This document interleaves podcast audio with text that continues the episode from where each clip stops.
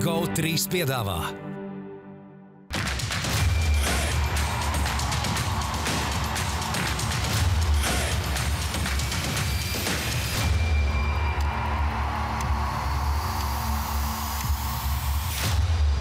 Ūdens zēļus piedāvā. Betsafe, tavs sporta buklets numur viens. Citadele, vairāk iespēju un pro basketbolu.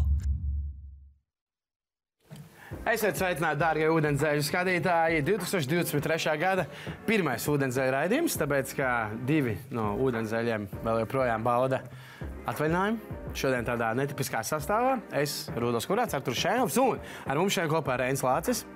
Sveiki, Prieks Reini! šeit būt ar jums. Jā, un Jurijs Žigājos.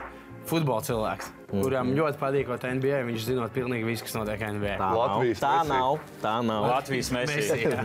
Latvijas Messi vai Messi? Vēnspils Messi. Vairs nē. Kas Messi vai Messi? Vai Messi? Messi. Messi. Futbolists. Un vēl eh, vienā Slavēts. brīdī mums būs eh, īpaši viesi, Jā. kas mums būs Jauna rubrika no 2023. gada. reizes mēnesī par Par fantasy basketbolu no Latvijas dižākajiem. Tagad jaunajiem fantasy līgu veidotājiem. Armando. Ar Mando būs šot, ja? Uh, Nu, redzēsim, vēl tas raidījums beigas. labi, bet sākumā par konkursiem. Šīs dienas pro basketbola konkursa jautājums ir par. Nē, jā, pirms, eh, pirms šīs dienas raidījuma, kur varam paskatīties, Endijs Udrs bija devies uz pro basketbolu sev pēc Ziemassvētku dāvanas. Mēs šobrīd bildi neredzam, skatītāji redz, viņš tur priecīgs eh, pie eglītes rāda pīsiņu, kaut kāds bots jauns. Viņš nopirkts. šitā rāda. Ko tas nozīmē? Vai šitā? Šitā kaut kā, jā, es nezinu. Ko tas nozīmē? punkti. Jūs zināt labāk. Jaunieši. Pa, Tu zini? Punkts. Bērtāna roka. Vērtāna ķepa. Ļoti labi. Redz, Tāpēc Jurijs ir uzaicināts. Jā, Bet šīs dienas pro basketbola jautājums ir par to, par ko Luka bija tik ļoti dusmīgs šajā epizodē. Uz to cilvēku redzēt, lūdzu, paskatāmies video. Redzam, Luka galīgi nelaimīgs. Tātad, kāda bija šie iemesli, kas bija šādi sadusmojis Luku? Uz šo tad skatītāji ir atbildējuši vēlāk. Nolasīsim atbildes. Uzvarētājiem 200 eiro dāvana kārta no pro basketbola un cīnīsies arī par Citadelas mēneša balvu, kas ir eh, no šāds merčiņš no Vašingtonas ar KP pārakstu. Ja? Un šito šodien mēs tūlīt izspēlēsim par pagājušo mēnesi, decembra mēnesi. Šeit ir trīs uzvarētāji. Šodien laimes rāds nebūs, jo par laimes rādu atbildīgs Redgars Buļs, un viņš viņu ir paņēmis līdzi atvainājumam. Tā mēs sapratām. Mēs viņu Viņš neredzam. kokteļus savu griež. Jā, kaut kā aizgriež, kurš Kāds uzgriež? Un viņš to pirkstu arī. Kaunijā atvaļinājums. Jā, jau. Lai rekurs zvaigznes mums ir ieradies. Šī izlozē vienu un pamet man izlozēto, jo tur nevarēs salasīt. Var, nu, kas tur rakstīts, var izlasīt. Māris Škēle. Jā, apsveicam, apsveicam Māri. Tu To esi jau scenārijā bija rakstīts. Pasties.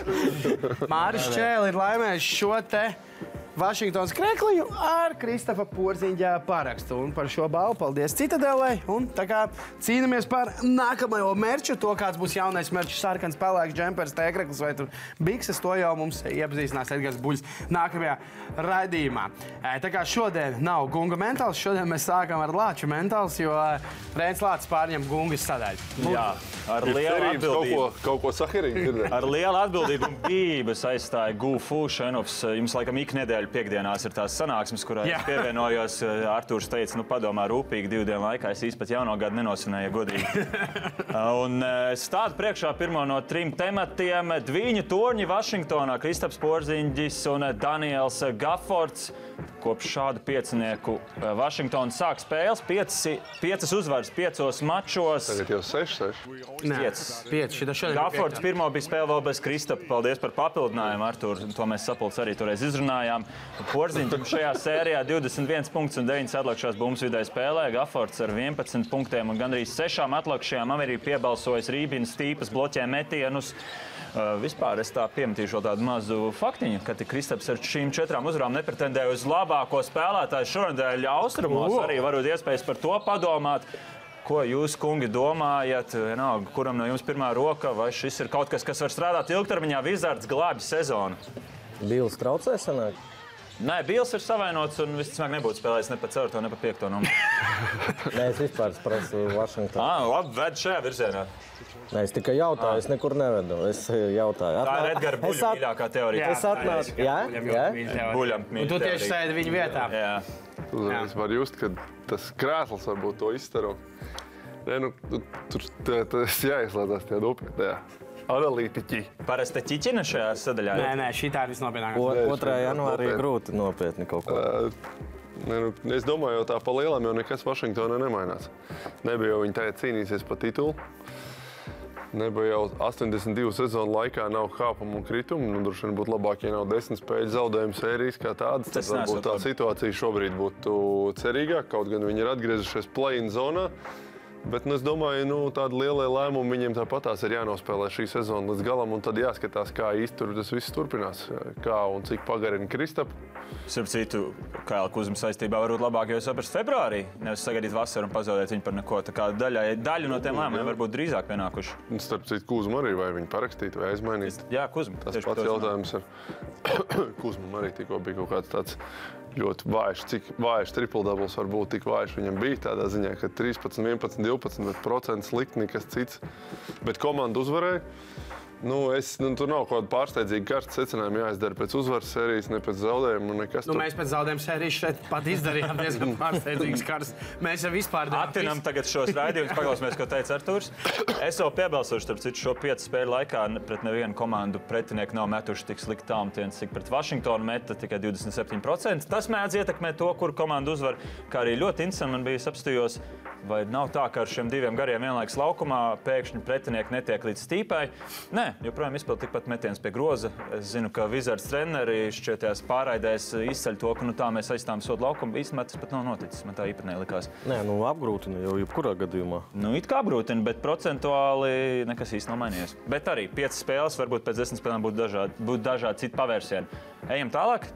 Otrais, vai Rudolf, tev kaut kas vēl pa vizu? Nē, ejam tālāk, ejam tālāk. tālāk, es man liela atbildība. Es cenšos visiem iedot vārdu Gunter vietā. Nē, vienkārši sezonas sākumā visi to Gatfords jau bija tur nosēdināts malā. Jā, Viņš bija. tur nav vajadzīgs tai komandai. Tas arī bija nu, pēc sezonas Ja sākuma. nu man patīk viņa spēlēšana, es viņu tieši fantāziju paķēru. Viņš Ah. labi man pa vairākām kategorijām palīdzēja. cīnīties. Gortats ar viņiem tur ir pastrādājis, varbūt Viņš tur, jā, treneru korpusā strādā. garais. Bija. jā, Jā? Nu, jā, labrīt. ko vēl nesen dzīvoju Polijā.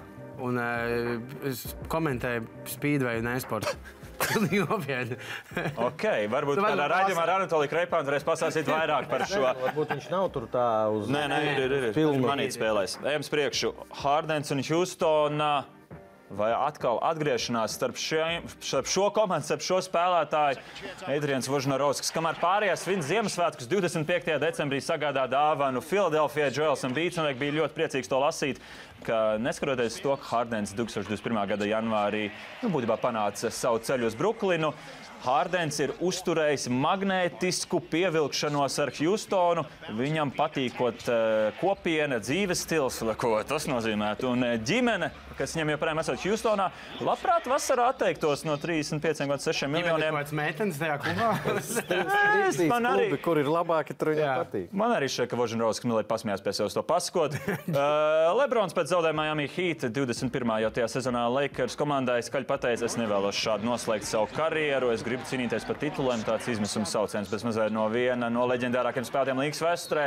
Atkal es tādā diskusijas formātā, kurš vairāk vēlas izteikties. Kurš no, jums, kurš no šiem dienas stāstiem jums liekas svarīgāks? Hardens, Houston vai Lebrons un Lakers? Tāda dīkstāvīte, kas vairāk ietekmēs līgu. Lebrons noteikti. Man liekas, Lebrons noteikti ir daudz svarīgāka ziņa, jo es to Hārdena ziņu personīgi interpretēju tā. Džeki, neaizmirstiet, ka ar mani jāpagarina līgums. Ja kas, tad te vajadzētu kaut kādas ilgtermiņa saistības mazliet. Precīzāk, ka jauns līgums jāslēdz. Jā, jā. Nu. Filadelfija, zina, tur ir Houstonā. Man baigi patīk, jo es tur sportiski neredzu nekādu jēgu. Uz pilnīgi jaunu komandu iet, kur tur ne par ko necīnās. Kur turklāt viņa pozīcijā ir jauni, it kā talantīgi spēlētāji, kurus Houston noteikti grib iespēlēt. Nu, ko viņš tur darīs? Es nekādu loģiku. Šantāža. Nē, Es šantāža. atgādināšu, ka pagājušajā vasarā, par ko arī Filadelfija zaudēja drafta izvēli, izskatījās, ka Hārdens un Morija ir paspieduši roku zem galda un jau sarunājuši nākamos sešus gadus, kas būtu pretrunā ar to, ka viņš tagad šantažē ar viņiem. Vai arī varbūt kaut kas aizklausēs ir jau noticis starp viņiem. Nē, es nezinu. Es domāju, ka Filadelfijai ir jā, jāspēlē savs labākais basketbols. Viņiem ir Joels Embīts, neapturamākais spēlētājs līgā. Nu, cerams, ka Hārdens arī spēlē normāli, droši vien var spēlēt vēl labāk. Bet nu, īstā ziņa ir Lakers no tām tavām div, divām piedāvātajām. Un, uh, un kādu tur risinājumu es nezinu. Nu, ko, pirmkārt, Lebronam uh, jau tā kaitīt vienmēr bijusi. Tad, kāpēc tad viņi zaudē visu laiku? Vai tu pats tur nespēlē? Tas būtu mans viens jautājums. Uh, nu, Antonius Deivis arī visnotaļ labs komandas biedrs. Traumēts visu laiku. Uh, nu, diezgan daudz traumēts. Nu, pārējā komanda uzbūvēta diezgan nesaprotamos Kā principos. mēs būtu, kad Lebrons ir ģenerālmenedžers spēlējošais? Bet kur, ok, pieņemsim, viņš ir ģenerālmenedžers. Kad viņš pats tur arī savā. Teiksim, priekš viņa labvēlīgs risinājums ir kāds. Jums ir kāda ideja vispār? No, Viņu pašu sev aiz, pašam sev Viņš aizmirst. šajā Golden sezonā komandu nevar pamest, jo viņš parakstīs savu Jā, līgumu viņa- pagarinājumu. Seš, sešiem mēnešiem jāpiet, un tad jau būs Nu, labi, nu, beigusies. šogad norakstam, pieņemsim, nu, pieņemsim trīs gadu. Pieņemsim, ka Lebrons ir pārcilvēks, kā es, nu, līdz šim ir bijis, un viņš var spēlēt tiešām vēl trīs gadus vismaz šādā līmenī. Nu, es, nu, tas ir Džeks, kurš var būt čempionu komandas. A, nav tā, ka viņš vienkārši tagad tur to nomierinājies, gaida dēlu līgā, lai uzspēlētu. Nē, nē, nu, bet viņš jau Tāpēc jau šie citādi bija tādi biedējoši. Tas, ko tu saki, daudz tādu varēja nodomāt. Bet Tagad rekur tā tagad atkal kaut kā tāda Kad ķīdā. dēls ienāk? Nu, Bet varētu. kāds ir glābiņš? Man šeit vēl trīs gadi tieši, ja nemaldos, arī jāgaida, lai viņš vēl būtu vienu gadu pēc vidusskolas. Bet ne, necitējiet mani, varbūt pat viens vairāk. Tā tad Lakers iemainīt viņiem nav neviens tāds īpaši vērtīgs. Nu, Rasela. Divas drafta izvēles, 27, 29 gads. Jā, 20, vēl divas ir palikušas. jā, jā, jā 27. Nu, labi, bet nu, ko viņi var dabūt? Tas ir kaut kāds viens, divs spēlētājs, kaut kādas, kaut kādas ļoti lomīgas. Nu, ko, ko tur var izdarīt? Slavenākais variants ir Mails Turners un Badijs Hilts Pret ko? pret Westbrook un divām drafta izvēlēm. Bet kāpēc lai Indiāna to gribētu? Tāpēc, ka Indiāna varētu gribēt spēlēt ar šiem jaunajiem, un 27. un 29. gadā Lakers visticamāk būs nu, kaut kur, nezinu. Nu, jā, Misks Lakers var dabūt Mails Turner un Badiju Hildu. Es apsveicu es viņu tā to darīt, jo viņiem tur īsti nav, nav atkāpšanās ceļa. Bet, Kā vien eh, būvēt visu ap šo, kas ir. Turners ar Deivids uh, kopā. Deivis. Nu, mēs tikko runājam par Gaffordu porziņu, ja tas relatīvi strādā. Bet vispār jau pa lielam es domāju, ka ne, nu, diez vai nu, tas nav izcilākā. Nu, tur- Nav izcilākā. jo Liela, liela, liela blakne ir tā, ka Antonius Devis līdz savainojumam aizdīja vienu no labākajām sezonām pēdējā laikā, un viņš spēlēja pa centru. Un viss laukums viņam bija pavērts. Skaidrs, ka Turners met tālas un nestāv par savu laukumā, bet tomēr viens garais ir vēl viens garais. Vajams nākamo tematu. Es zinu, ka mēs steidzamies brīžiem un gribam Nē, ievērot laiku. Visu galīgi, pareizi. mēs vispār nesteidzamies. Es gribu pateikt tikai, Jā, Rudolf izcili. ka Hārdena, nu, ka daudz svarīgāk, protams, ir jā, tā Lebrona ziņa. Jo, nu, jā, nu, Hārdens Hjustonā, es nezinu. Labi, tad es varbūt, lai sāsinātu šo ziņu, es piemetīšu vienu argumentu. Nav tā, ka Džoels Embīts dzirdot šādu lietu, var aizdomāties, pagaidi, pag, pag, kas tā mani? Ja es teorētiski pazaudēju Hārdenu, man gadi iet uz priekšu, nu visticamāk, Embīta fiziskais pīts jau ir aiz muguras, arī šodien tāds netik labs aizsardzībā.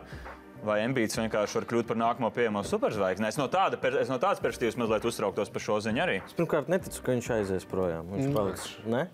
Filadelfijā. Viņš šobrīd ir aizjūts izvēlēties, kurā izlasē spēlēt. Ir Francija, Amerika. Nē, nē, es par Hārdenu saku. À, nu, nē, nu, Hjustons arī netic, ka viņš aizies tajā, tagad šajā vecumā aizies Hjustons. Ir ambīts, kur man liekas, ka viņi varētu. Man, es nezinu, kā jums, es daudz neskatos. Man liekas, dažreiz, ka pēdējie tur divi gadi Hārdens vispār ir tāds nemotivēts. Nu, nezinu, varbūt kļūdaini, bet nu, tā viņš Funkcionālā gatavība liecina par to, ka viņš varētu būt motivēts iet uz nu, vismaz svaru zāli. Nu, Viņš tā uzspēlē basīti spēlam priekam, man tā liekas. Ne? Agrāk bija kaut kā motivētāks izskatījās. Un tad Hjustonam viņam ideāli. Viņš ir tur priekam spēlē.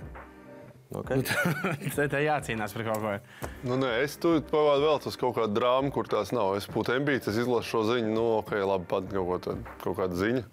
Okay. Uh, James, kas noteikti tas ir Houston? Nē, tas stulbs es. Starp citu, ka viņam prasīja- loģiku. Ka viņam prasīja par to žurnālistu, viņš to nenoliedz. Viņš teica, ka es negaidīju, ka, tas, ka tāda ziņa parādīsies. Kaut kā tā viņš Viņš izteicās. pateica, jūs pat neapsveicāt mani Jā, jūs pat- Ziemassvētkos un uzreiz uzdodat šitās jautājumus. Tas ir disre- disrespect. Un nepateica, ka nē, tā nav patiesība. Bet labi, es jau atkal te ķīdāju pārāk tālu. Iespējams, nu, laukuma ziņā par visādām intrigām, par kaut kādiem savainojumiem, kaut kādiem darījumiem. Uh, Lukas Dončiča vēsturiskā nedēļa, ļoti daudz veidu, kā to ietērpt. Pat grūti būtu izvēlēties vienu konkrētu. Pēdējo piecu spēļu laikā tikai triple double, tikai 45 punktu vidēji spēlē. Tālāk, starp citu, vienu brīdi pat bija vairāk zaudējis nekā uzvarējis. Tagad 21 uzvar 3-7 mačos. Galvenokārt jau šī nu, jau leģendārā spēle, teikt, sižeta dēļ 60 punkti un triple double pret New York Snigs. Nu, patiesi iemet 51 punktu San Antonio. Greigs Popovičs apsolīja, ka Dončits iemetīs mazāk par 50. Nesenāca viņam pat ar šo joku Bet iziet. tu, Bet tu, viens. labi, labi lasa spēle. This is cold. kā. Uh, Vai Dončits, es pat nezinu, kā uz šo paskatīties. Nu, tas, ko viņš rāda, ir uh, brīžiem fenomenāli un neticami. Dončits pats individuāli bez mazliet velk Mavericks komandu playoff zonā. Vai tas kaut ko nozīmē, vai šādi viņš var uzspēlēt ilgāk? Ja, Kā ilgāk? es vienkārši papildināšu, ka. Uh, kā sezona. trešo nedēļu. Jā.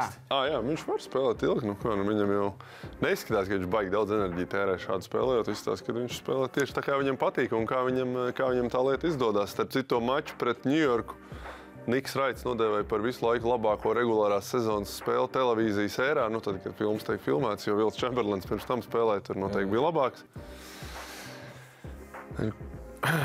Nu, Dončits, Jokic šobrīd ir divi reāli MVP kandidāti. Arī. Dončits ir dabūjis to, ko grib. Uh, totāli, kā saka, saimniekošana savā komandā bez nekādiem vispār pat teorētiskiem čaļiem, kas to var apstrīdēt. Kaut gan nevar teikt, ka viņš baigi daudz deva, kur tas garāks čels ir, kur šeit. Tas būtu ļoti man šeit ironiski un zīmīgi, ja katrs savā konferencē šonadēļ kļūtu par nedēļas spēlētāju. Jo nu, Dončits noteikti kļūs, Kristupam laikam jākonkurē Durant būtībā. Viņa piezīmēja viens otram apsveikt. Kristaps ierakstīja tvītu. Kristaps apsveic. Un tur, jā, tur viņam atbildes bija. Kas tur bija? Nerezi nelasījāt, tur, tur cilvēki, nu, ka beidz, viņš tevi ciest nevar. Nu, un šitādā. Tu viņu apsveic, ja? jā, jā, un tu viņu apsveic. Bet man eh, tas tāds dzīves filozofijas jautājums. Man tieši vienmēr liekas, tā, tas tieši tādu savu pārākumu izrāda, ka tā tu zini, ka Džeks, kuram tu besī, bet tu pret viņu tāds jau savā superlūkā apsveic. Tiešām es tāds, priecājos es ļoti gribēju, lai Kristiāno Ronaldo apsveic publiski. Mēs ieraksta tvītu kaut kādu. Arī tagad varētu apsveikt viņu ar jauno līgumu. Nu, jā. Vai arī ko apsveikt ar karjeras beigšanu. Nē, neredzēju. Iedomājieties, mēs jau aizsūtījām vārdu? apsveikumu. Apsveic ar profesionālās Izcila karjeras. karjera, visu cieņu, viens no visu laiku labākajiem spēlētājiem. Malacis, ka izlēma pielikt punktu karjerai. Tas būtu. Kurš? Messi, Ā, Ronaldo varētu būt. Nē, vienkārši man likās, jo, ka Kristiāna Ronaldo sieva uzdāvināja Rolls Royce par Rolls 360 tūkstošiem. Un tas kā domāju, Kristiāna bija kādā brīdī. "Nu, Tā man nauda. Tā kā, tā kā es pats nopirku savu Rolls Royce. Bet nē, man pēc tam paskaidroja, ka viņai Instagramā esot daudz sekotāju. Es nezināju, ka tur var Rolls Royce nopelnīt. Tā kā, jā, es, es aktīvāk Instagramā. Tā varbūt Arthurs Royce. sāks apgūt. Tad Vēl arī- pirms zinām laiks redzēja, ka viņš nebija kādu gadu atbildējis vēstulēm Instagramā. Tā Kā, ja kāds vēlas viņu sasniegt, nerakstiet Instagramā. Jā, var piezvanīt, ir telefons, tāpēc. Bet ne jau visiem tavs numurs. Nu, es domāju, nav grūti dabūt. Labi, es ceru, ka Gunārs aizstāts. Jā. Gufu, gaidām tevi atpakaļ. Tie bija Lāča mentāls. Bet kā eh, es dēvēts. uzreiz pēc Latvijas mentāls eh, mēs paskatīsimies, kā tad ir. eh, Tagad sanāk, ir pēdējās divas nedēļas. Mēs skatāmies, jau viens raidījums izgājis. Izlaists. Saslimā vienā raidījumā. Jā. Būsim tā godīgi. Kā- Nedēļa jāatpūšās. Bet... Ir gājis eh, latviešu basketbolistiem Eiropā, kam tad mēs dodam rekordu Jurijai priekšā. Ir Citadeles nedēļas MVP. Es sākumā dažus tādus. Um, eh, Kā saka, spēlētājs. pie, pieminams spēlētājs. jā. Mārcis Steinbergam eh, dienā, kad viņš saņēma spēlētāju par gada, kā tas sauc, Gada cerība. Gada cerība pret Vēju. Kavējos izskoloju. Jā, izskolēja 21 punktus uzvarā pār basketbola klubu eh, VF Rīga. Mārtiņam Mēram uzvara pār Vēnspils 28 punkti, 9 bumbas un 2 bloki. Eh, Rikards Lomačs 17 punktu un 3 piespēles uzvarā Vācijā.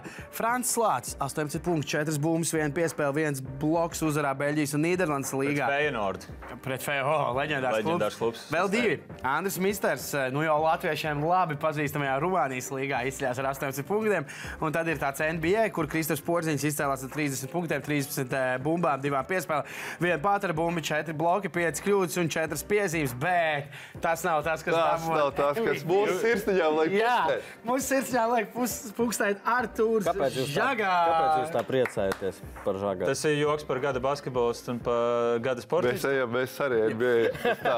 Arthurs Žagars 28,5 minūtēs eh, pret Gargzdai vai varbūt. Gargzdai komandu uzvar. Rēpšinis. 99 pret 92. Eh, 31 punkts. eh, Divpunktniekais 100% pretstāta 9 no 9, 3 2 no 3. Un arī sodiņš 7 no 9, 5 atklāšanās bumbas, 3 rezultātus piespēles, 4 pārtveres, 2 kļūdas, 4 piezīmes un pats galvenais - efektivitāte 43, kas ir eh, Lietuvas līgas labākais. Nevarēja to šajā. statu atrast vai pārliecināti, nu, lai apstiprinātu vai noliektu. bet- Lietuvas līngas konsto Jā, tas informāciju Bet palaid. tā Es varu piebilst trešo reizi pēc kārtas iemet 30. 30 punktus. Jā, 20 atvainojies. Apsveikt, jā, vajag. Un uh, viens Tu aizvedīsi? futbola cilvēks viens bija uz spēli un pateica vienkārši īsi un kodolīgi. Žagars spēlē kā dievs tur. No. Nice. Dieva rokas. Eh, Bet es eh, par šo varbūt, es atceros eh, viens eh, Twitter lietotājs, aktīvs, izbijis basketbola spēlētājs. Ļoti kritiski, kad uzzināja to ziņu, ka Žagars iet prom. Ģenerālis? Jā, un, un, un, Kā tu to uzmanēji? Ak, mans dievs. un es toreiz lasīju, es nu, ko, tu ne, neiesaistos, es tur īsti neko līdz galam nesaprotu. Nav, nu, ļoti pareizi jāizskatās tagad, ka viņam Tā izskatās. Ar to? Kad viņš bija pret kaut ko, no Nu, kurienes iet prom. Jā, nevežiem. Nē, nu, ka uz turieni aizgāja nevis kaut kur citur, vai VFā palikt, vajadzēja varbūt. Es nezinu, neatceros, eh, bet nu, nebija viņš laimīgs ar to lēmumu.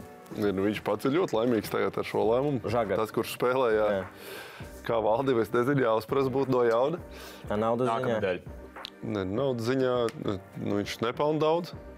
Nu, Kas tev ir tā, daudz? Nu, Nē, nu, priekš Latvijas oficiālā darbinieku viņš pelna daudz. priekš Latvijas oficiālā darbinieka viņš pelna ļoti daudz. Uh -huh. Bet eh, nu, kā, nu, viņam jau mērķis šajā, šajā brīdī bija vienkārši spēlēt, cik vien daudz iespējams. Un tā vieta, kas to varēja nodrošināt un piedāvāt tieši tādu ofertu, tur viņš spēlē. Nu, un tas pagaidām izskatās bijis izcils gājiens. Nu, Tu redzi viņu NBA kādreiz. Pauze. Nu, tā, nu, kā pamats es tev spēlēju, nē, nu, varbūt uz kādu, nu, Tu kā latiņu pacēli. nē, nu, uz kādu brīdi tur varbūt. varbūt ar līmenī kā karīs. Nē, Dairis, Dairis taču bija. Nu, tādā veidā, tad jā, nu, tas jau, nu, ja tas jau tā, es domāju, ja viņš turpinās spēlēt, kā spēlē un progresēt, tad Jā. jā. nu, tā būs viņa izvēle vai uz gadiņu, diviem aizbraukt tur kā rezervistam. Es te biju vai nebiju. Nu, tad, viņš varēs domāt, vai tā viņš grib vai negrib. Pie nosacījuma, ja tā turpina spēlēt. Tagad jūs ar to pateicat, tā ir interesanti, ka īstenībā tāds katrs salīdzinoši labs Eiropiešu basketbols. Viņš tāds aizbrauks manas diviem gadiem, tā es aizbraukšu. Okay. Nu, tā, Nē, nu man- kā, nu, tu- Nē, nu, daži tā var. Okay, bet nā, kas, nā, kas Diezgan nav, daudz. lai Nu, jā. būtu tur uh, ilgāku laiku? Talants, nezinu, izmērs, kas Nu, nu, viņš nav dzīvnieks. nav dzīvnieks. Nu, tur ir pārdabiski cilvēki, kas skrien tādos. Uh, Es nezinu, ko var nosaukt, kas ir viņa fiziskajos rādītājos. TJs Makonels. Neits Nē, tas Voters. Bet nu, viņi visi brauc, atpa, visi brauc atpakaļ, tur padzīvo, ne, ne, nerealizē to savu potenciālu. Tas trakais, kurš atņem bumbas labi. Jose Alvarado. Alvara- Alvarado, jā. Nu, labi, viņš ir kaut kā baigi ātrs. Nu, bet tāds, uh, Viņam uz NBA 2,23 speed ir 96. Tas ir ļoti ātri. Jā, žagram nerakstīt. Okay. Bet vēl jau ņemsim vērā, nu šī gal galā būtībā ir pirmā pieaugušā profesionālā sezona. Viņam labi Vācijā bija tāds labs 3-4 mēnešu nogriezis. Viņš tur šķiet arī pa vidu kaut kāds mēnesis izkrita. Nu, viņš pirmo reizi beidzot spēlēja ilgāk. Es domāju, te mums pirmais jautājums būtu, kāda un vai Eirolīga. Un Tad jau varētu tās NBA sakrast. Jā, patīk tas, uzreiz nē, tāds. nenozīmē, ka tas nevar notikt. Bet apsveicam ar citas Apsveic. nedēļas MVP. Ejam tālāk, paskatīsimies uz uh, karstiem pipariņiem. Uh, NBA novērots dusmīgs lietuvietis. Mums jau bija dusmīgs Dončičs, tagad dusmīgs lietuvietis Jonas Valančūnas. Lūdzu, skata, skatāmies. Atvainojos. Otrais jautājums. Viņš vispār izstāsta tādu. Kas tur Austin? Nē? Jā, uz Austins Ivers, jā. Man bija bail no tā skatiena. Jā, ka Jons viņu grib nosist reāli. Jo es to esmu ievērojis jau mazliet agrāk, kad Valančūnas sadusmojās. Viņam tas skaties nav tāds, ka šis ir. tā Kā, Šis nav jautri. Jā, nav jautri. Es negribētu ar viņu. Un uh, iepriekšējā raidījumā pieminētais Buddy Hild uh, iemet ātrāko tālmetienu NBA vēsturē. bet tu to kontekstu redzēsi tam visam? Reģija Miller? Nē, uh, Haliburtona Fāters, Ah, kurš tur kā baigais čomiņš ar visiem pirms spēles tur nāk dod pieci vecīt. Viņš viņam kaut kādā tur saka, ej, vecīt, don't dribble, just shoot. Nu, kaut kur tādā veidā, un uzreiz hops viņš pirmo te, un pēc tam pats Haliburtons intervijā teica, viņam visu gadu šo stāstu. Fāters mans atnāk vecais, kurš neko no basīšu nerūpīja, pasaka vienu muļķību, viņš šauj uzreiz. Bet, starp citu, lauza rekordu. Ātrākais līdz šim iemestais NBA Tāmtens bija uh, pret Golden State Warriors. Protams, ka Reģijs Millers. Tā kā Indijānai Indijā. paliek rekords un izskatās, ka nu, ļoti grūti būs pārsvarēt. Šis- Tas praktiski ir izcilākais scenārijs. Cik, cik, cik, cik bija laiks? Divas, trīs Nē, sekundes apmēram. Pie viņš tika man šeit 58. Bija četras sekundes. Nu jā, vēl jā, aizlido divas sekundes līdz grozam. Tev reāli uzreiz jātiek pie bumbas. un Tipidā no centra jāsiet uzreiz. Ah, jā, tas, jā, Bols, bols varētu varbūt. Eh, Paskatāmies, kāds ir eh, pro basketbola atbildes, par ko tad eh, mūsu skatītāji domā, ka eh, Luka Dončičs varētu būt tik dusmīgs. Um, Tā, skatāmies. Um, Kas Mums mums arī ir? paralēli skatīsies. Jā. Um, Amarīta, man patīk mūsu skatītāji jau no paša sākuma. Amartīros raksta par to, ka buļļam beidzot sanāca nokļūt Lukas māmu. Tas Iedomājieties, iedomājieties, Lūk, atnāk mājās, un tur, tur jau viņa istabā bērnības Uzmanīgi, kas ir nākamais. Nākamais ir Mbērts. Bulīts atsūtīja bildes no Filipīnām ar māmu, bet Lukam jāspēlē Japānā. Tas ir pa pasaules kausa laikam. Jā. Oskars 1991. Atkal Edgars Puļs. Atkal tas latviešu būlis ir ieslīdējis mammas diemos un izteicis nepiedienīgs piedāvājums. Iet vienā virzienā visā. Un šis man patīk, jo šis tāds aktuāls, par to vēlāk būs Rikārds Pīpuriņš. Un īsumā tāpēc es to lasīšu pēc tam. Šie Opa. bija pagaidām pieraksts labākos, jo pagaidām visi bija ļoti vienādi, bet būs tur arī savādāk. pildspalva. Dod pēc reklāmas pauzē, pēc re reklāmas pauzes. Uh, Pūlis, jā, fuj, pūlis šeit bursēs, jā. Nu, kaut ko, jā. Pabursēs, dod mēs reklāmā. GO3 piedāvā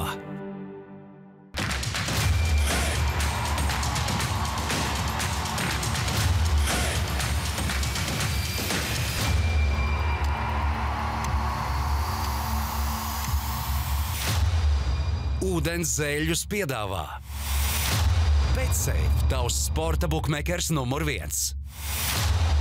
Citadele, vairāk iespēju un pro basketbolu.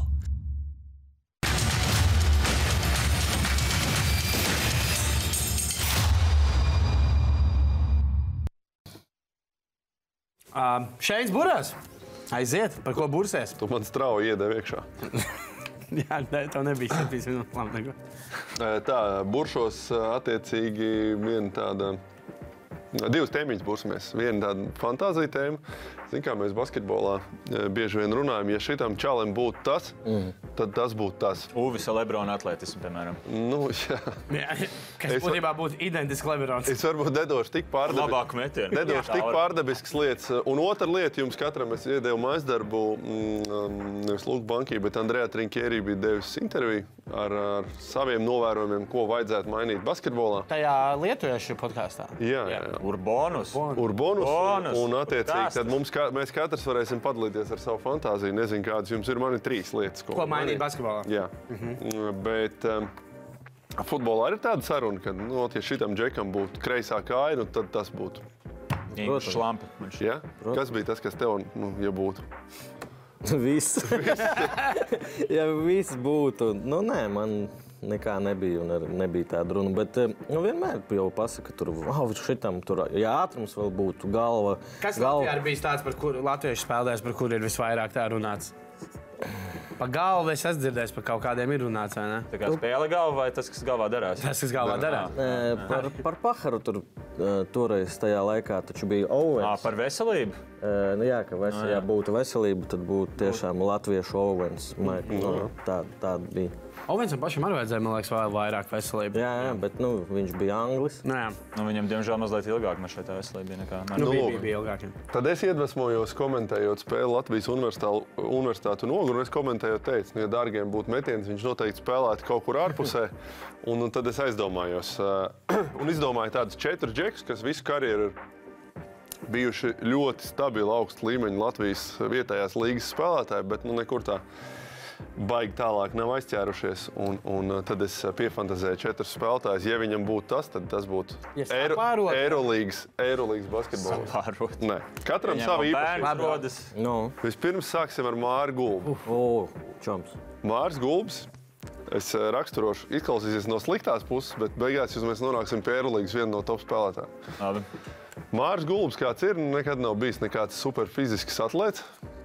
Pat varbūt izskatās palēns, bet kaut kādā prātā visu laiku tiek garām uh, pretiniekiem. Ļoti labi spēlē postā, Viņš ir Latvijas teiktu, labs, meti, labs metiens. Bumbas vārds arī labi. Un tad, lūk, bet kas viņam pietrūkst? Bumbas vārds normāli.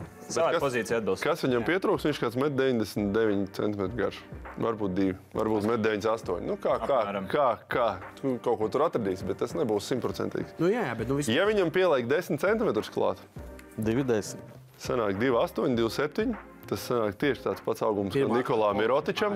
Un es teikšu, godīgi, Mārcis Gulbs ar 10 centimetriem es neredzu nekādu lielu atšķirību no Nikolā Mirotiča. Arī tāds pēc skata neizstāsta, ka svars svarzāli baigi ir gājis, bet viss kaut kā Ātrāks metiens Mirtičam. Šeit tādā ātrāks gulbi, ļoti ātrs metiens. Tā kā Rēlenīte čiks. basketbolā tad sanāk, tu katram spēlētājam pieliec 10 centimetrus. Nē, es katram kaut ko citu Nē, lieku bet klāt. ir tā, pa lielam ja augumu pieliec, un visiem tas iet tikai plusā. Nav tik vienkārši. Nē, plusā tas iet, jā. Katram Bet noderētu. ne visiem tas uzreiz noderētu. Nu, tā kā baigi mainīt līmeni. Tur. Un gulbis par 10 centimetriem. Mirotičs, nu nē, Māri piedod. Nu, Manā Ok. skatījumā Mār. Māris ir 10 centimetrs īsāks Mirotičs. Tur tāda Ok. atšķirība. Nākamais ir pasē viņam vajadzētu noņemt kādu. cita, nu jau Vēnspils leģenda. Andrejs Šeļakovs. O, tur daudz ko vajag pielikt.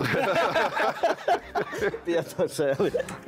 Nē, ja pieliek daudz ko, tad viņš ir pasaulē labākais spēlētājs. Bet manā spēlītē var likt tikai viens, vienu lietu klāt, un es Andrejam pievienoju koordināciju. Augstu mm. līmeņu.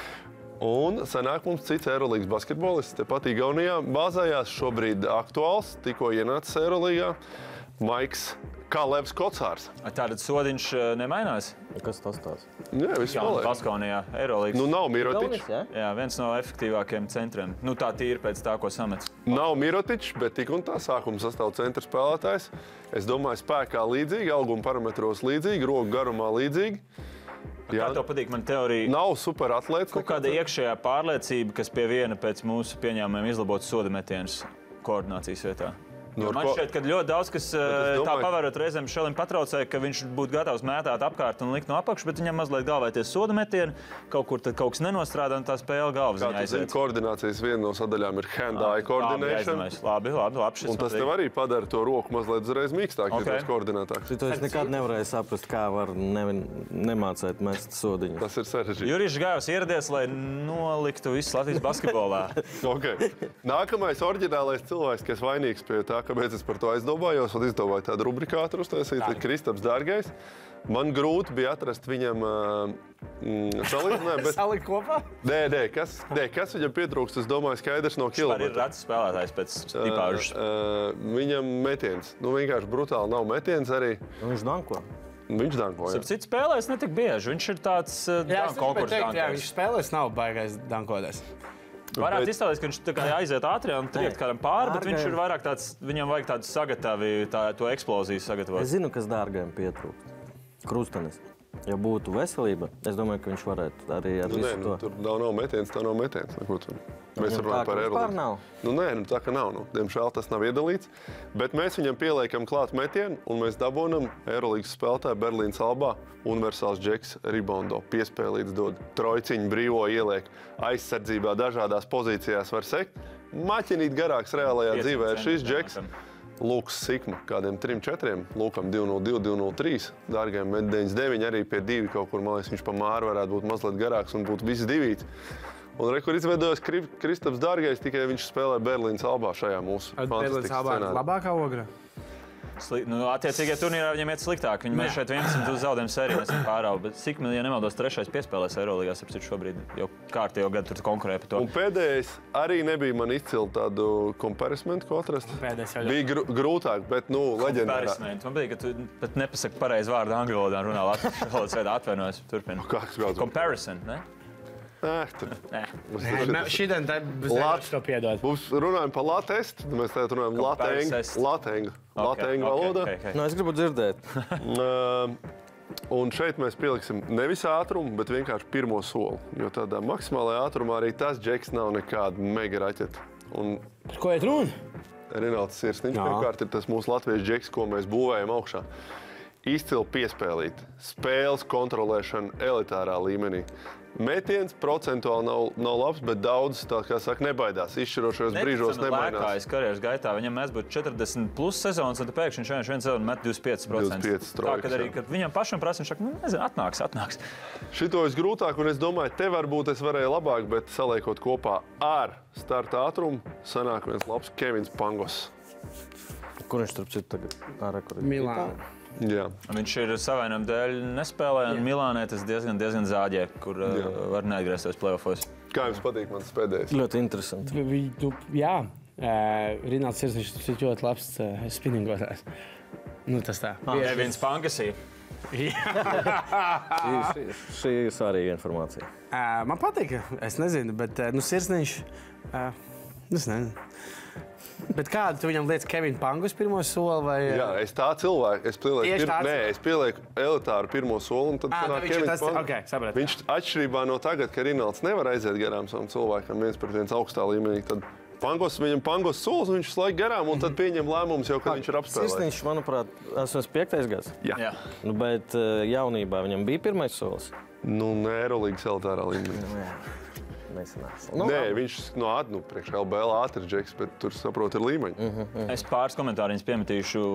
Kristaps Dārgais arī daļai, nu, viņam bezmazliet basketbols ogrē kā tāds hobijs. Viņam ir galvenā sava profesija. Viņš arī brīžiem, vismaz tādos vietējā tirgus līmenī, nav vēlējies vienkārši doties nekur prom. Tā kā Tur vēl viens tāds eh, jautājums, ko gan jau neviens nekad nevarēs atbildēt. Ja viņš tur, teiksim, 27 gadu vecumā būtu aizbraucis sazinu, uz Somiju, Igauniju vai kur kā tā viņa karjera būtu attīstījusies, viņš būtu tas, kurš meklētu iespējas ārpus ogres. Nu, metiens viņam tur neparādītos. Vienalga. Ka Slovija ņemot vērā, ka spinningotājiem būtu ļoti labs galamērķis. jo Tur Tur, kopā ar Innu ņemt. jā, tur nu, Bērns arī varētu ņemt tas bērns. Jā. Viņam arī patīk. Jā. Tā, nu, ok, tagad mm, tā tad. eh, Runājam jau par to, kāpēc. Basketbola noteikumi, eh, struktūra, sistēma, spēlē, mm, sezonā radikāli, traki, minimāli.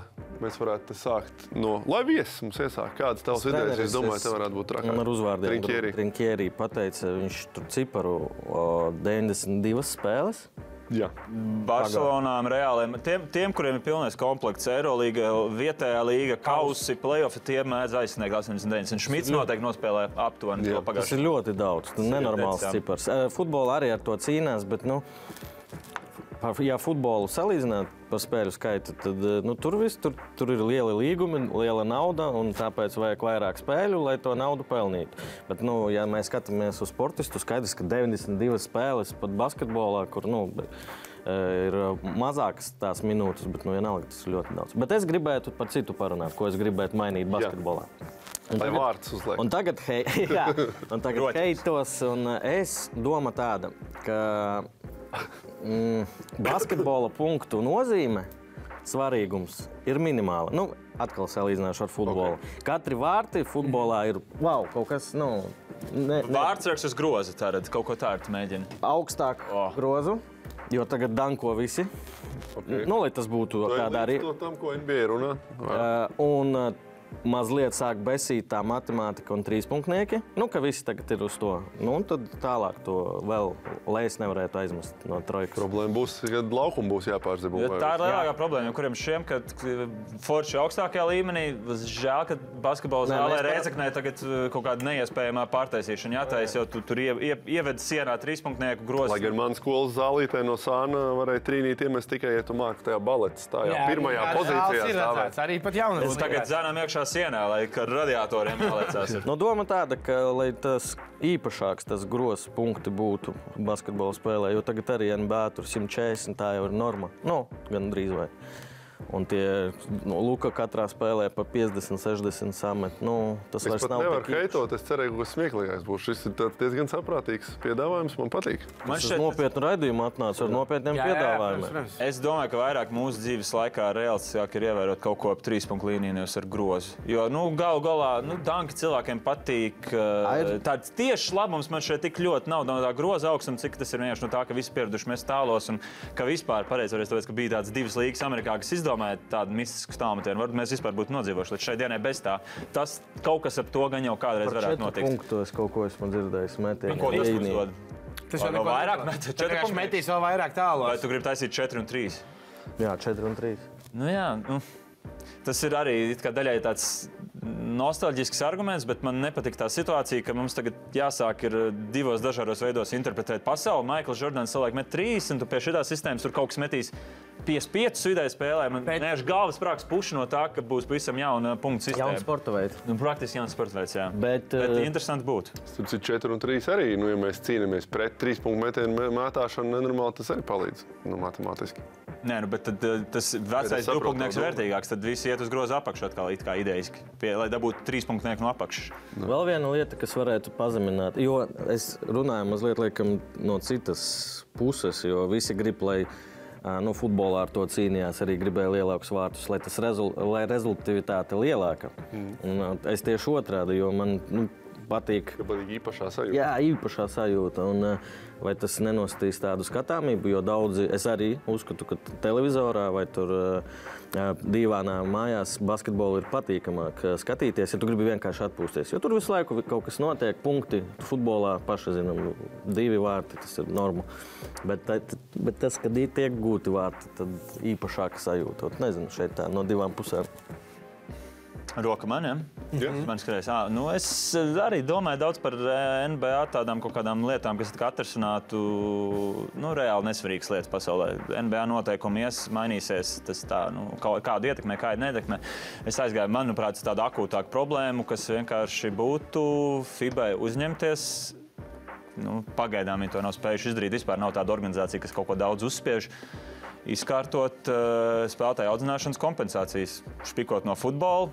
Labi, lielākais problēma jautājums, ja mēs uzreiz pārējām pie kādiem pretargumentiem, vismaz no Latvijas pozīcijām, būtu, kā mēs nodalām, kas ir Valmieras pašvaldība, kas ir Valmieras eh, sporta klubs. Jo skaidrs, ka būtībā jau bērnu izaudz eh, vecāki, kas iegūst laiku un kaut kādu naudu. Un, nu, Latvijas mērogā pašvaldība.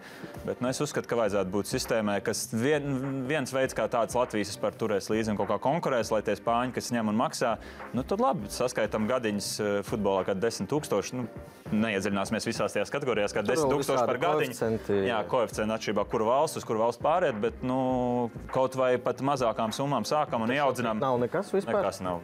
Dari, ko vēlaties. Nulli. Free for all. Ieaudzinām vismaz, varbūt pat daļai sākot ar mazākām summām, varbūt tas ir tūkstotis. Vismaz ieaudzinām basketbolā tādu tradīciju un kaut kādu arī moralitātes, moralitātes principu, ka, ja nu, spāņi grib, lai viņi samaksā tev ziņā normāli, Valmierai. ka 1000 eiro arī samaksā Valmiera cēsim, kad paņem lielo komandu. Uz, uz, uz, visu, uz visiem līmeņiem pārnesam šo. Skaidrs, nu, redz, kur tu iezīmē labu problēmu. Varbūt kāds aizsēdēsies pārāk ilgi, nesauksim vārdā kaut kādu sporta skolu, bet vietā, kur ir mazāk konkurence. Bet katrā ziņā es uzskatu, ka basketbolam tas ir nepieciešams. Nu, Varat dot pretī, nezinu. nē. Nē, es šitam noteikti nedošu pretī. jā. Nē, vispār basketbolā, man liekas, tu pateici, pašpikot jau sen vajadzēja to darīt. Es nevaru, nu, es neesmu tur iekšā. logus. Viņš nesanāca. Bet labi, labi, mēs šajā ziņā tur futbolu var lielīt, bet tūlīt varēs, varētu būt ka kaut kas līdzīgs arī futbolā. Ja to superlīgu izveidos, atkal būs divi. Nu, šobrīd viss skaidrs, kas par ko atbild, eh, no kurienes nauda, visas tās kompensācijas un tā tālāk. Ja parādīsies eh, superlīga, tas būs kaut kas līdzīgs no Eirolandes. ULEP. NBA drīzāk. Jā, Nē, nē, nu, par Eiropas. Nu, jā, NBA. ietekmes ziņā sasniegs kas- NBA, kaut bet no veidola. Pilnīgi ārpus rāmjiem. Nu. Jā, un tad, nu, un tad arī parād, var parādīties jautājumi par uh, atteikumiem izlasē, nav laika, un tas būtu slikti futbolam. Bet basketbolam es domāju, ka jā, piemērs ir UFA un vispārējais. No NBA neviens neatcels tuvākajā laikā. Tā. Uh, Man, Man- vārdu nedos. Ah, nu, lūdzu. A, nē, es īstenībā vienkārši gribu Eiropā to, par ko jau mēs daudz. Es nezinu, kāpēc man fire gribās to. gribi To es gribu. LB, Latvijas tāgā, bet es gribu Eiropā to, to, kas ir tagad daudz runāts, kā tā varētu izskatīties, bet kaut kā to slēgto līgu, tad arī nebūs 9 un 6 spēles tām top komandām. Es to tiešām gribētu ļoti redzēt. Kā Tādā izpratnē, ka viņi atradās no vietējiem čempionātiem Jā, pēc slēgta kaut kāds 24 komandas, 12, un 12 ne, nu, kaut kas, nu, kā tur visādi varianti internetā ir. Es tiešām to gribētu redzēt, kad Eiropā arī tāds, jo tad man liekas arī Eiropā, jo šobrīd es zinu, ka Ja tu neesi iekšā, es runāju ar saviem draugiem, kam patīk skatīties basketbolu, bet ne tā kā tik ļoti kā daudz. Tu biji nu, baigi grūti viņiem ir izskaidrot, kā, pagaid, šis ir kā, kas Eiropā, kur viņi vēl pēc tam spēlē kaut kur tur. Nu, tā kā vienkārši, lai būtu arī tad varbūt Eiropas Situācijas noteicējs viens Jā. konkrēts. Skatītos vairāk. tev pozitīvi ir tas, ka Maršals Glikmans, Eirolandes jaunais vadītājs vai CEO, angliski, podkāstā ar Džordžu Lausku teica, ka 24 būs pa, vēlas pakāpeniski iet uz to 12 komandas dažādās konferencēs, lai nebūtu tā braukšana tik traka, Jā. kas atrisina kaut kādas tādas problēmas. Un, Tas ir ko laikam. viņam nepaprasīja, un es domāju, viņš priecīgs bija, ka viņam neuzprasīja. Es domāju, ka tas būs skarbs jautājums, un tas agri vai vēl pie tā nodīs. Ir jau Jā. precedents, es domāju, labi, tas būtu labs jautājums Pirējas Olimpijākas faniem, kā viņiem patika uh, divi gadi, kad viņi ir Grieķijas otrajā divīzijā. Nu, tikai Nu, viņi Līgā. spēlē būtībā Eirolandā. Kāpēc? Nu, sastrīdējās ar vadību, uzskatīja, Ā, ka pietiesā atceros, jā. Panathinaikos. Tur visu laiku kāds kādam pietiesā. Mums jāiet. À, tad man ātri, jā. Labi, es ātri teikšu savus noteikumus. Tātad, basket, tad es Tie neiešu. būs visstrakākie. Es par Eirolīgu tev piekrītu. Es gribēju iet tajā lietā, tātad par noteikumiem es gribētu divas izmaiņas. Viena man arī nepatīk tas, ka tas groz nozīmīgums. Nu, basketbolā vārtu gūms ir ekvivalents pēdējo sekundžu metieniem. Tātad mums tie ir jādabūna vairāk un jābeidz. Sirēnu. Jābeidz Eiropas basketbolam mākstīties un eh, jāļauj arī spēlētājiem spēles laikā apturēt spēli. Eh, Kaut vai pašā galotnē, piemēram, atļaut timeouts var ņemt džeki. Uh, kaut gan uh, pēc būtības es esmu pret timeoutiem, bet beigās, lai apturētu spēli un novestu bumbu uz otru galu, tas man ļoti patīk, jo tas veido daudz vairāk skaistas epizodes. Tas Varbūt, veido lai uzvaru laiku, metienus. Viņi var palūgt un bez sapulces pārnes bumbu, lai nav tas liekais jā, taimauts. manā ideālajā pasaulē, norobežojamies no reklāmdevējiem, man timeout besi. Viņi ir lieki, manuprāt, vienkārši jāļauj džekiem spēlēt, bet spēles galotnē vienu, divas reizītes vajadzētu atļaut. Džeks izcīna reboundu, aptur tā, mums tā jāizsoļo līdz tam galam, izspēlēsim kombiņu un minēsim vai zaudēsim ar metienu. Un otra lieta - ciest nevar vairs izturēt piezīmes uzbrukumā. Es saprotu, ka pildīgi bez viņām izturēt nevar. Bet katastrofāli ir jāizskauž tās piezīmes, kur uh, vienkārši jau situācija sen ir beigusies, bet kāds gudrais mazais aizsargs, kurš ir ar baigo Alberto Dias. Jā, ir iestājies vienkārši tam 2,8 milzim, kas sprintā rada uz piespēli uz trim soļiem, vēl vienkārši izskrien kaut kur ceļā, aizlido. Ā, tā ir Bet tas piezīme. vienmēr ir tevis aprakstītā situācija. Ļoti cienu tos mazos spēlētājus. Es arī Tas ir cienu, jo tas ir sāpīgi. Un otra sadaļa pie groza, kur atkal viens iet uz danku un viens priekšā nevis cenšas slēgt un skatīsimies, kurš ir sportiskā epizodē veiksmīgāks, kurš ir atletiskāks. Bet viens apakšā zem Jā. ceļiem vienkārši paliek, izšķēda viņam galvu, viņš nokrīt. Un viss priecājās, ka tā ir piezīme uzbrukumā. Vienkārši Šis viss ir jādara. Viņi var pabīdīt uz augšu un uh, uzreiz ir nereālāk iestāties. Nesen bija danks. Jā, bet Gordons? visu laukumu jāizbīda. Jā. Un neiedeva, neieskaitīja pareizi. Ārons Gordons. Pārskatīja un ieskaitīja. Ah, Bet iepārskatīja. pārskatīja. Tā kā tās ir divas eh, noteikuma lietas. Jā. Par citām lietām varētu podkāstos ilgi runāt. Jā. Eurolīgu. atsevišķi. Jā, īstenībā par to varētu uztaisīt. Jā, taisnība. Zini, ka tu runāji par to, ka.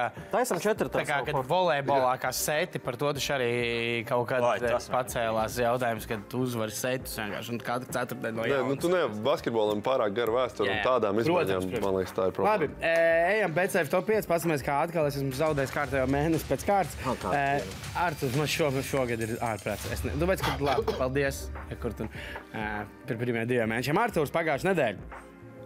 Uh, Celtics uzvar Clippers. Jā, ok, dabūjām savus. Edgars Buļam notika šādas lietas, kad Heat uzvarēja Lakers. Viņš tika pie 1,75 vienībām.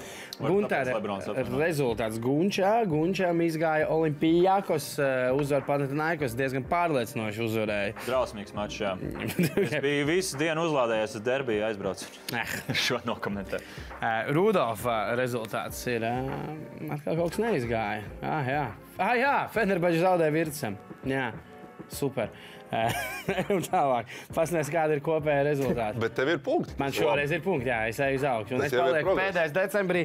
Es negribētu, laikam, es esmu divreiz pēc kārtas ziedojis tam e, RR fondam. Varbūt tās man pēc raidījuma varēsi palīdzēt atrast kādu organizāciju sporta vēl kam. Sporta Mēs ziedojam, jā. Paskatāmies, ko mēs skatīsimies nākamajā, ko mēs iesakām. Mr. Sve iesaka, mēs pārējie arī liekam. Viņš iesaka 5. janvārī skatīties mans pārdarītājs Fenerbačs, kas spēlēs pret Žalgeru. Mr. Sveir ir uh, Parādi. gudrākais cilvēks basketbolā Latvijā. Tas Mētlīs Ausbrillēs, kurš tur Jā. Uh, Arthurs, Arthurs iesaka un liek likmīti uz. Nav iesūtījis. Nav Arthurs iesūtījis, tā nulīts paliek, diemžēl. Kā? Kas? Ah, nē, pagaidi, man taču to teica. Jā, jā, jā. jā. Eh, Pagaidiet, pagaidiet, pagaidiet. Tu atceries pats savu līgu? Man taču. Jā, Arturs- Tā ir, ir, ir. Viss kārtībā. Arturs, ieslēpo. 6. janvārī, 2.30. Mavericks pret Celtic. TV3 sporta rādes Celtics uzvar 1,75 vienībiņas. Tāda ir tā, ejam. Celtikam visi veseli. Jā, iz- izvesaļojas Roberts Viljams. Sāk tur lēnām spēlēt, gan nedaudz. Bet e, es domāju, ka e, šis būs tas gads, kad varbūt es beigās noslēgšos, ka es celts, e, celtiem pa īstam ticu kā favorītiem. To nākamajā raidījumā. Labi, ejam tālāk. Uh, Man patīk, ko. Gunārs, Gunārs, Gunārs saka tā. Gunārs saka, ka Raptors uzvarēs Trailblazers 8. janvārī. Inaugurā spēle noteikti pats arī komentēja 22.30, 1,85. Edgars Bullis, tur noteikti būs kaut kāda 18 lietā. Ah, nē, ok. Hits Nets, Nets uzvar 1,8. 9. janvārī pūkstens vienos naktī. Un šoreiz vienīgais es esmu devies arī uz derbiju. Ritas uzvara Volvs. Viļņas, nu viena gan šobrīd vēl teorētiski nav Viļņā, viņi ir Alītā. Alītā, bet tā ir viņas komanda. Rītas uzvarēs Volvs un 1,65. Tāds mūsu līnijas karstie pipariņi. Karstie pipari- pipariņi. Pipariņi. Lakers un Lebrons. Ja godīgi, šis pirmais, ah, Dievs, es eh, esmu aizmirsis, par ko ar šis karstais pipariņš, tāpēc man arī būs pārsteigums. Skatāmies. Tā, Ah, Lakers spēle vienā klipā. Lebrons ir Iecēlās, prom. tur tas vienkārši. tā jau kaut kāda metafora par to, kā viņš lidos ārā no tās komandas. Cilvēkam 40 gadi jau. Nav. Eh, Jā, Viņam nav Luka Dončičs 15 tiek pie. Nē, Kas? decembrī bija jau. Luka Dončičs tiek pie. ielikt 50, cik tur. Recovery beer. Mm. Jā, viņam atsūta, lai varētu atjaunoties. Vai tas e, palīdzēs sezonā? Katrā ziņā viņam ir krietni vairāk alus nekā bija Katārā skatītājiem. Un šis pieejams, tā kā varēs diezgan, tur var tālu plēsofos ar šo atjaunoties. Tur ir visādi eiropieši tajā komandā. Jā, tiks galā, kombinēti. Džek. Džaka Bobens vairs nav. zini, Jā, viņš varētu arī savu māsu daudz. Jā, bet uh, bērnu turnīrs. Bērnu turnīrs kaut kas, kas Arturam Šefam ir nedaudz tuvāks. Varbūt var noskaidrot, atcerēties kāds skaties. To redzēju. Kāds saka? Ne jau par uzvaru tas vēl ir. Jā, Tas ir uzvārds. Fonā 28, 26 bija redzēji. Jā, nu jā. Nu, nevar būt. Trīnīts un pieskait. Jēzus 6, 28. No ko to darīt? Jākrāmē. Nu, atmuguriski vēlams. Ļoti labi norit. Es ceru, ka arī viņš pareizi, ka, jā, lai Kuvis Helmanis sēd parasti treņu metiens. Jā. Labi, tātad. This Uh, is the original Letiša Bērs. Jo re, kur jaunais Letiša Tātad Bērs. Jānis Vecais Turks ir Ulfs. atbildes uz Dončis. Translāts ir jaunais arī Ģermāņu valstīs. Kāpēc Dončis dusmīgs eh, par to, ka iepriekš netika brīdināts, ka jauno gadu sagaidot makā jāliek zvīņas? Mm. Šis man patīk, kā viņš varētu būt dusmīgs. To Jānis Turks raksta. Um, eh, Te ir vēl par ēdienu, par to, ka pagājušajā nedēļā. Oh, Tukumnieks raksta par to, ka viņš uzzināja, ka nav pagājušā nedēļa bijusi ūdens daļa epizode. Viņam nebūs mājas, ko skatīt. Man liekas, ka ir viena problēma mums tīri politiskā ziņā. Kas? Tu it kā teici, tā kā atbalstu Ukraiņu izteicis, un te Georgi Lēnti uzlicis. Orlands Trailblazers. Izkārtīja. To izgriezt vajadzēs, jā? Kas? Nē, nē. Izgriezīsim. Ervīns raksta, ka viņš ir dusmīgs par to, ka dāvā tik maz laiž laukumā, jo, kā jau viņš teica, dāvāts viņam ir viena no mīļākajām opcijām, kam dod piespēju. Šito pierakstu vismaz nav par. Ir Winters. Mm, tā te vēl ir daudz par ēšanu. Minūtes daudz dabūju kopš Klebera traumas. Nu, tur aiziet, tur aiziet. Ē, Pagaidām tas arī viss. Dodamies reklāmas pauzē, un pēc reklāmas pauzes tad pie mums nāk ciemiņš. Ja? Armando. Ar Mando. Dāvāj reklāmu. GO3 piedāvā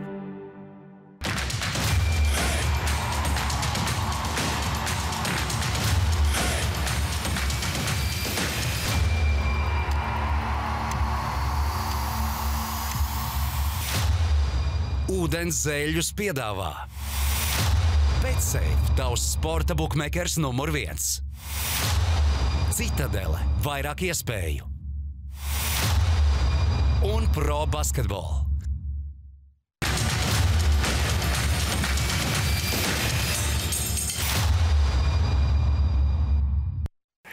Esam atpakaļ. Ē, Reinis Lācis ir nomainījies pret uh, Armandu. Armandu, pasaki, kas tu esi Latvijas fantasy? Jā, labdien visiem skatītājiem. Starp citu, nesajauciet, neesmu Edgars Buļs. Man ir žaketīte, man ir beatlnīte, bet nē, Armāns Segliņš. Es būtībā pārstāvu Latvijas Fantasy līgu, viens no veidotājiem, organizētājiem, no sastāva. Okay, tāpēc, ka tu sēdi tur, ātri iziesim cauri pusminūtē buļļa likmēm, un tad vārds par Latvijas fantasy līgu. Tātad buļļa iepriekšējā izvēlīta, varam rādīt viņu, jo viņš izstāsta dažiem pēc buļļa Mavericks pret Lakers un Celtics pret Buck.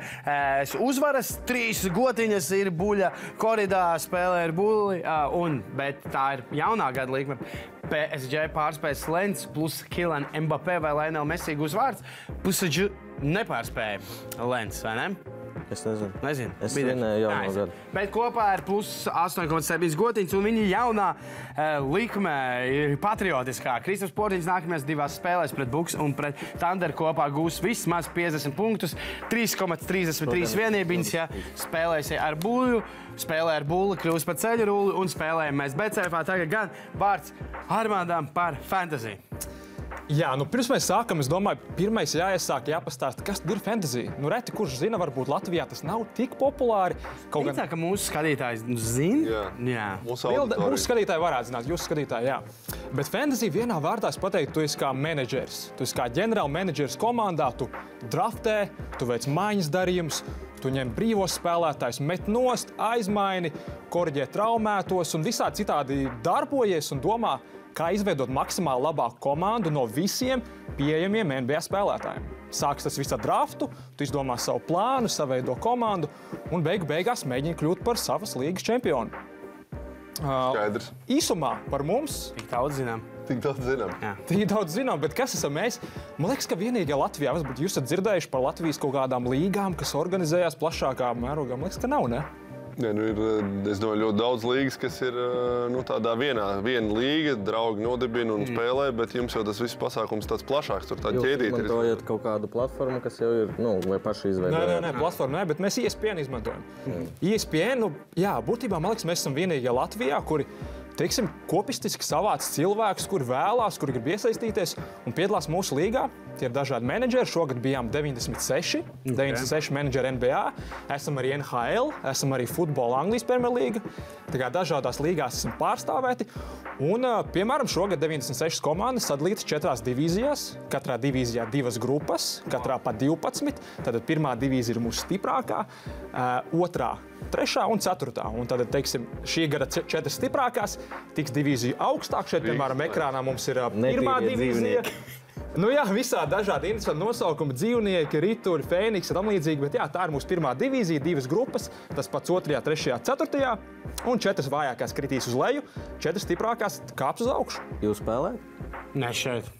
Man iesaistīja pirms septembrī es pārņēmu vienu komandu, kas tur mokās, cīnās par playoffiem. Es viņu drīz ievedīšu tur, bet es nezinu, kurā līgā es esmu. Tu esi otrajā, otrā divīzija, B grupa. Man patīk tā ideja, ka tur pa līgām uz augšu un, un leju kāp. Tas, ir tāds, tas padara visu to tādu papildus lietas, un ir kausa izcīņa vēl. Jā, jā, jā. jā. Ne, ne, parastais kausa.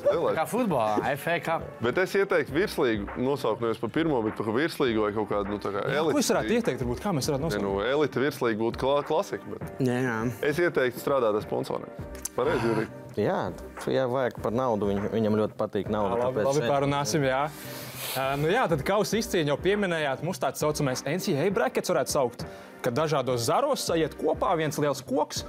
Un 96 komandas var jebkādā veidā tikt salozētas pāros, un finālā viens čempions pagaidām mums ir jau nav aizpildīts šeit tabulā, bet esam jau konferences finālā. To varētu saukt arī par pusfinālu varbūt. Tā kā tūlīt pat jau esam pie galvenā, galvenā, galvenā tā kā, teiksim, nobeiguma. Un čempioni arī uzzināsim tūlīt. Tas ir par kausa izcīņu. Mēs regulāri veicam dažādus apskatus, runājam, intervējam menedžerus. Dažādi viņi pastāsta par savu fantasy iesākumu, par karjeras sākumu, par gaitām šogad. Daži, piemēram, stāsta, kā viņi NBA mačos ir bijuši, NHL mačos, kā viņi ir satikuši NBA spēlētājus. Viss kaut ko interesantu. Mums ir ārzemnieki, kuri pārcēlušies Latviju. Tā kā ir visādi dažādi interesanti personāļi mūsu, mūsu sastāvā. Arī visi trīs mēs spēlējam. Starp citu, mēs organizatori esam Armāns.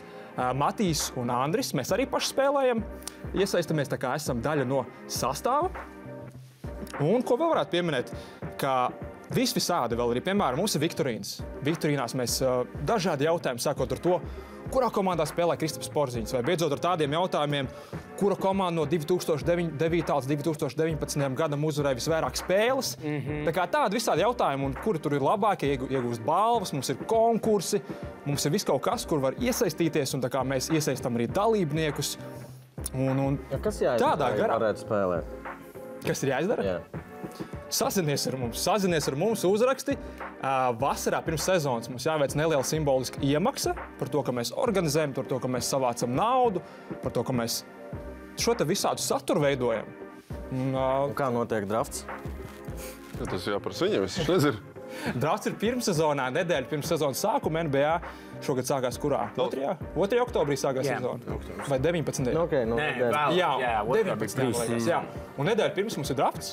Uh, Visas līnijas šeit 12 menedžeri savāc vienā teiksim, virtuālā telpā un draftē savu komandu. Katrs izvēlās pirmais, pirmo izvēli, otrais, otro izvēli. Tas tā, tā ir liela atšķirība ar futbolu, jo, piemēram, tas pats es nezinu, Messi var būt gan manā, gan tavā komandā. Ar te sanāk, nevar. Nē. Aha, Ja man ir mesija, tad man ir mesija tikai. ok, šis ir foršs. Piemēram, pagaidām populārs ļoti ir Jokic. Jokic ņem ar pirmo numuru bieži. Dončić. Jāni ņem, Dončis ņem bieži ļoti augstu. Kevins Durants šogad daudz ņēma augstu. Es neesmu spēlējis fantasy Es, es varu basketbolu. pateikt no personīgās pieredzes, fantasy basketbols man atgriezās sekošana NBA pirms kādiem Nu, daudzi- desmit vairāk gadiem. Es jau nestījos NBA, kaut kā tas bija tāds bērnības lieta. Jau bija noriebies, tad es sāku spēlēt fantasy. Un, nu, jau es kādus desmit gadus katru rītu ceļos, skatos, kas tad nolaidas daļēji, tāpēc, ka man jāpārbauda, kā manējie džekļi nospēlē. Bet uh, tas stāsts arī par virslīgu futbolā. Es dzirdēju no daudziem cilvēkiem, ka pateicoties tam, ka viņš spēlē fantasy, viņš arī painteresējās, paskatās virslīgu. Tas tiešām strādā. Jā, jā. Tā Tas kā- ir tas faktors, jā, ka daudzi teiksim, sekoja, sekoja, kaut kā pazuda interese, vai vienkārši ieinteresējās tieši caur fantasy. Jo ir tas kā mērķis, uzdevums, ka tev ir jāskatās savs sastāvs, kuram iet, kuram neiet, kuram traumas un tam līdzīgi. Es teikšu, es iedošu maz piebildīt. Mazliet iepazinos, mazliet uzspēlējot. eh, Ļoti labs produkts, interesants, manuprāt, ar lielu perspektīvu. Es ceru, ka uz nākamo sezonu mēs izveidosim sadarbību tieši arī tajā fantasy sakarā. Varbūt tur kāda ūdenszeļa divīzija jāuztais vai kas tam līdzīgs. Tas, lai paliek diskutabls, bet uh, reiz mēnesī jūs nāksiet pie mums. Ko jūs mums stāstīsiet? Es domāju, mēs tā plānojam, ko varētu vai stāstīt dziļi, nestāstīt dziļi, īsāk, plašāk, iesācējiem. Izdomājam, jā, ka ņemsim tomēr iesācējiem, tādiem, kur varbūt grib no nulles iesaistīties, saprast, Nē, nē, uzzināt, ā, teiksim, kas vispār ir fantasy, kā veidojas drafts, kā tu gatavojies draftam, kā tu teiksim, plāno draftu tās savas kategorijas. Jo ir, piemēram, Tu neņem visus, tu ņem tādus, kuri teiksim, ir labākie vienās kategorijās. Tu nevari izpildīt visas. Tu visu nevari tā kā iedomāties, ka sastāvs būs visur gājējis. Tā nebūs. Uh, tad, piemēram, Tu vari, mēs runāsim par to, kas ir um, sezonas gaitā, kā uzlabot savu komandu, ko darīt, kad ir traumas, šie te plāni dažādi, redzēt, kā menedžeri rīkojās, kā pretī rīkoties un visādas Tā tādas kā Jurijs tev kā rūkiem izcili jāskatās, tā ir. Nē, man Katru mēnešu pirmo nedēļu tu iepazīsies, sapratīsi basic un nākamā sezona lec iekšā. Gaidām sastāvā. Pietrūkst Jā. laika. Bet eh, paldies, Armand. Tā kā Šis bija tāds ievads, tad tagad nākamreiz tiekamies februāra pirmajā raidījumā, un tad jau tur būs kaut kāda konkrēta tēma, ko jūs stāstīsiet. Ideāli. Bet tagad tu neatbildi, tu arī neatbildi, jo jūs spēlējat fanzi, jūs zināsiet, hei, mums šodien ir viesis Jurijs, viņam pavisam mazs testiņš. It kā tādi populāri NBA spēlētāji, bet kur viņi spēlē šogad? Jau pirms raidījuma pārbaudīju Juriju ar Andrēnu Dramondu. Nu, Jurijs nezināja, nezināja uzreiz. Tāpēc tagad uzdošu. Kas? Čika. Nē, nē, šito, Šito- to jau mēs atrisinājām. Tas bija tests.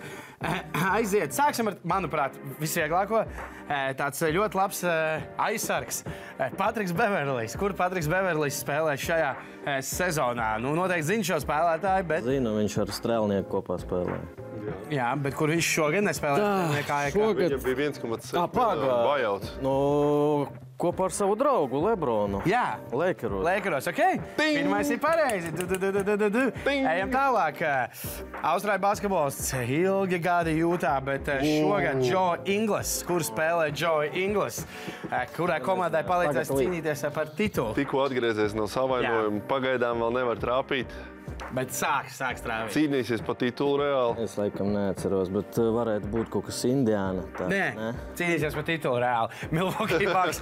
Milwaukee Bucks. Nopietni? Jā, jā, Jā. tagad Gulbis. Gulbīts vēl viens paliks. Man liekas, ka Vēl viens vārds gulbs. tiešām viņš milku. Jā, nu viņš tagad tiešām ir pirmās divas nedēļas atpakaļ apmēram pēc traumas.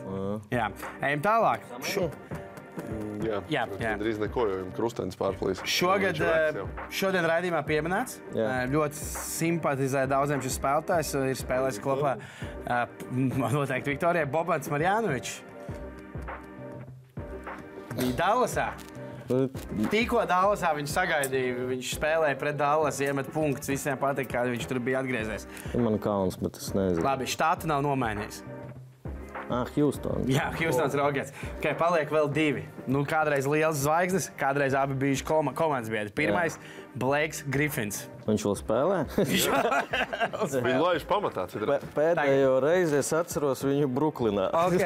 Kad Tagad nezinu, kur. Nu, Burts tas pats. eh, Bostonas Celtics šobrīd ir eh, Blakes Griffins.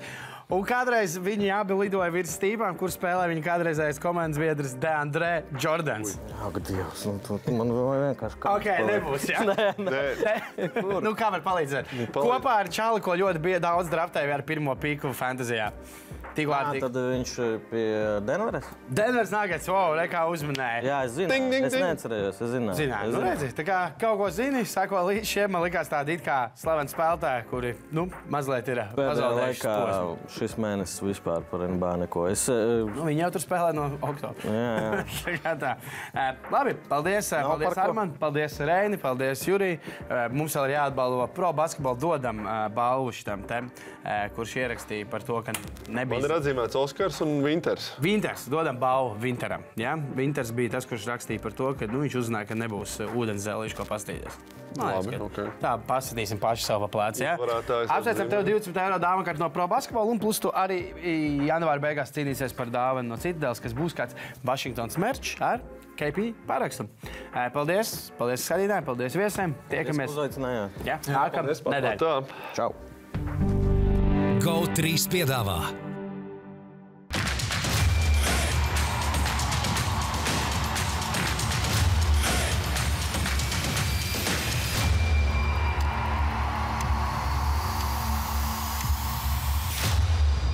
Ūdens zēļus piedāvā Betsafe, tavs sporta buklets numur viens. Citadele, vairāk iespēju un pro basketbolu.